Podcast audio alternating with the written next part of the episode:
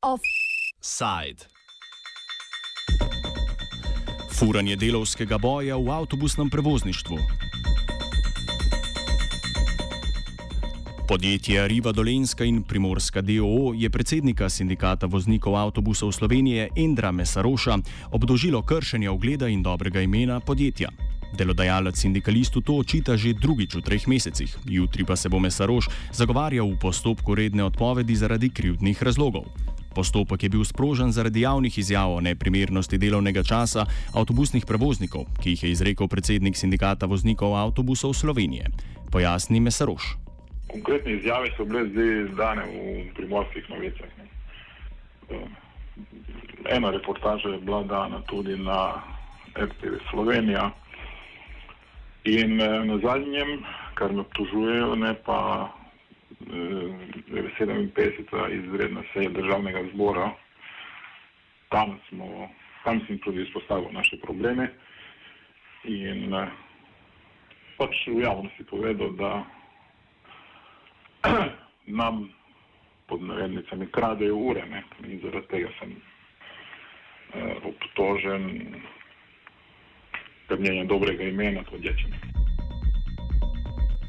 Delavci v avtobusnem prevozništvu so namreč napram večine ostalih delavcev v Republiki Sloveniji v deprivilegiranem položaju, že zaradi kolektivne pogodbe.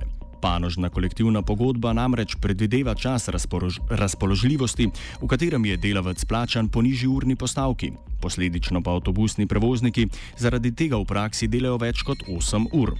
Prav tako pa so avtobusni vozniki sočasno pričeli opravljati tudi delo pobiralca vozovnic. Sporne točke kolektivne pogodbe in genezo njene sklenitve pojasni Damjan Wolf, generalni sekretar obalne sindikalne organizacije KS90. Tukaj v tej panožni kolektivni pogodbi se je legaliziralo čas razpoložljivosti v panožno kolektivno pogodbo. To pomeni, da govorimo o tem, da delavci v praksi delajo po 12-13 ur, medtem ko imajo realno plačano 7-8 ur. To pomeni zato panožno kolektivno pogodbo za cestni potniški promet.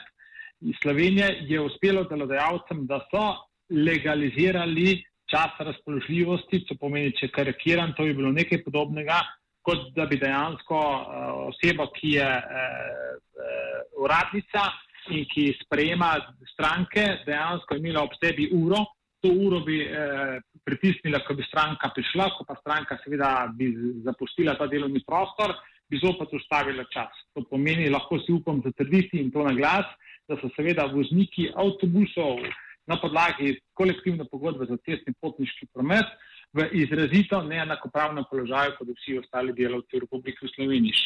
In tisto, kar je seveda še dodatno podkrepitev, je to, da je edinemu reprezentativnemu sindikatu do sedaj, to pomeni sindikatu prometa in zvez, ki spada pod zvezo svobodnih sindikatov, uspelo, da je od leta 2009 naprej vsako, vsako leto bolj kot ne do leta 2012 lepotno popravljala panožno kolektivno pogodbo, medtem ko pa od leta 2012 naprej vsako leto podpisujejo edino anekse za podaljšanje te kolektivne pogodbe za cestni potniški promet Slovenije in to v času, ko v Sloveniji še od leta 2014 beležimo eh, rast bruto družbenega proizvoda, to pomeni, da govorimo, da je gospodarstvo, iz, gospodarstvo v izraziti konjunkturi, medtem ko so vozniki avtobusov še vedno na kolektivni panožni pogodbi, ki je bila v veliki večini narejena leta 2009, ko je bil padec BDP-ja rekorden, govorimo seveda o tako imenovanem vplivu finančne krize, ko je BDP v enem letu padel na minus 8,7% in sami se potem lahko predstavljate, kakšno dobro izhodišče je imel kapital in s tem tudi delodajalci da so dejansko v dani situaciji naredili kolektivno pogodbo za cestni potniški promet, ki je v izraziti dobri domeni za vse delodajalce v tej panogi. Da pa dejansko podkrepimo. Če govorimo o veljavni kolektivni pogodbi za cestni potniški promet Slovenije, v tarifni prilogi zelo jasno vidimo, da je dejansko voznik avtobusa, ki upravlja zelo odgovorno in eh, specifično delo, plačan po panožni kolektivni pogodbi 588,12 evrov bruto na mesec oziroma 3,38 evrov bruto na uro, kar je pa seveda sramotno ponižajoče, glede na to, da je nekoč voznik avtobusa bil spoštovan, da je edino, kar je, bi se temu lahko, re, lahko reklo, delal, je to, da je dejansko vozil odgovorno in vestno, medtem ko so, so v zadnjih par letih dejansko delodajalci v tej dejavnosti uspeli z zelo, zelo slabo kolektivno panožno pogodbo in še celo več, uspelo jim je tudi, da dejansko vozniki avtobusov so tudi tako imenovani pobiralci vozovnic oziroma so tako imenovani prevozniki in dejansko upravljajo vsa dela, to pomeni, da so stroški res, da so za delodajalca res minimalne stroške. Na neustrezno merjenje delovnega časa je opozarjal tudi Mesaroš, ki pa nam je zatrdil, da na vkljub deklarativnemu pritrjevanju strani delodajalca do konkretnih rešitev ni prišlo. Zaradi tega je večkrat tudi javno opozoril na neprimernost merjenja delovnega časa. Kaj konkretno so te neprimernosti, pojasni Mesaroš.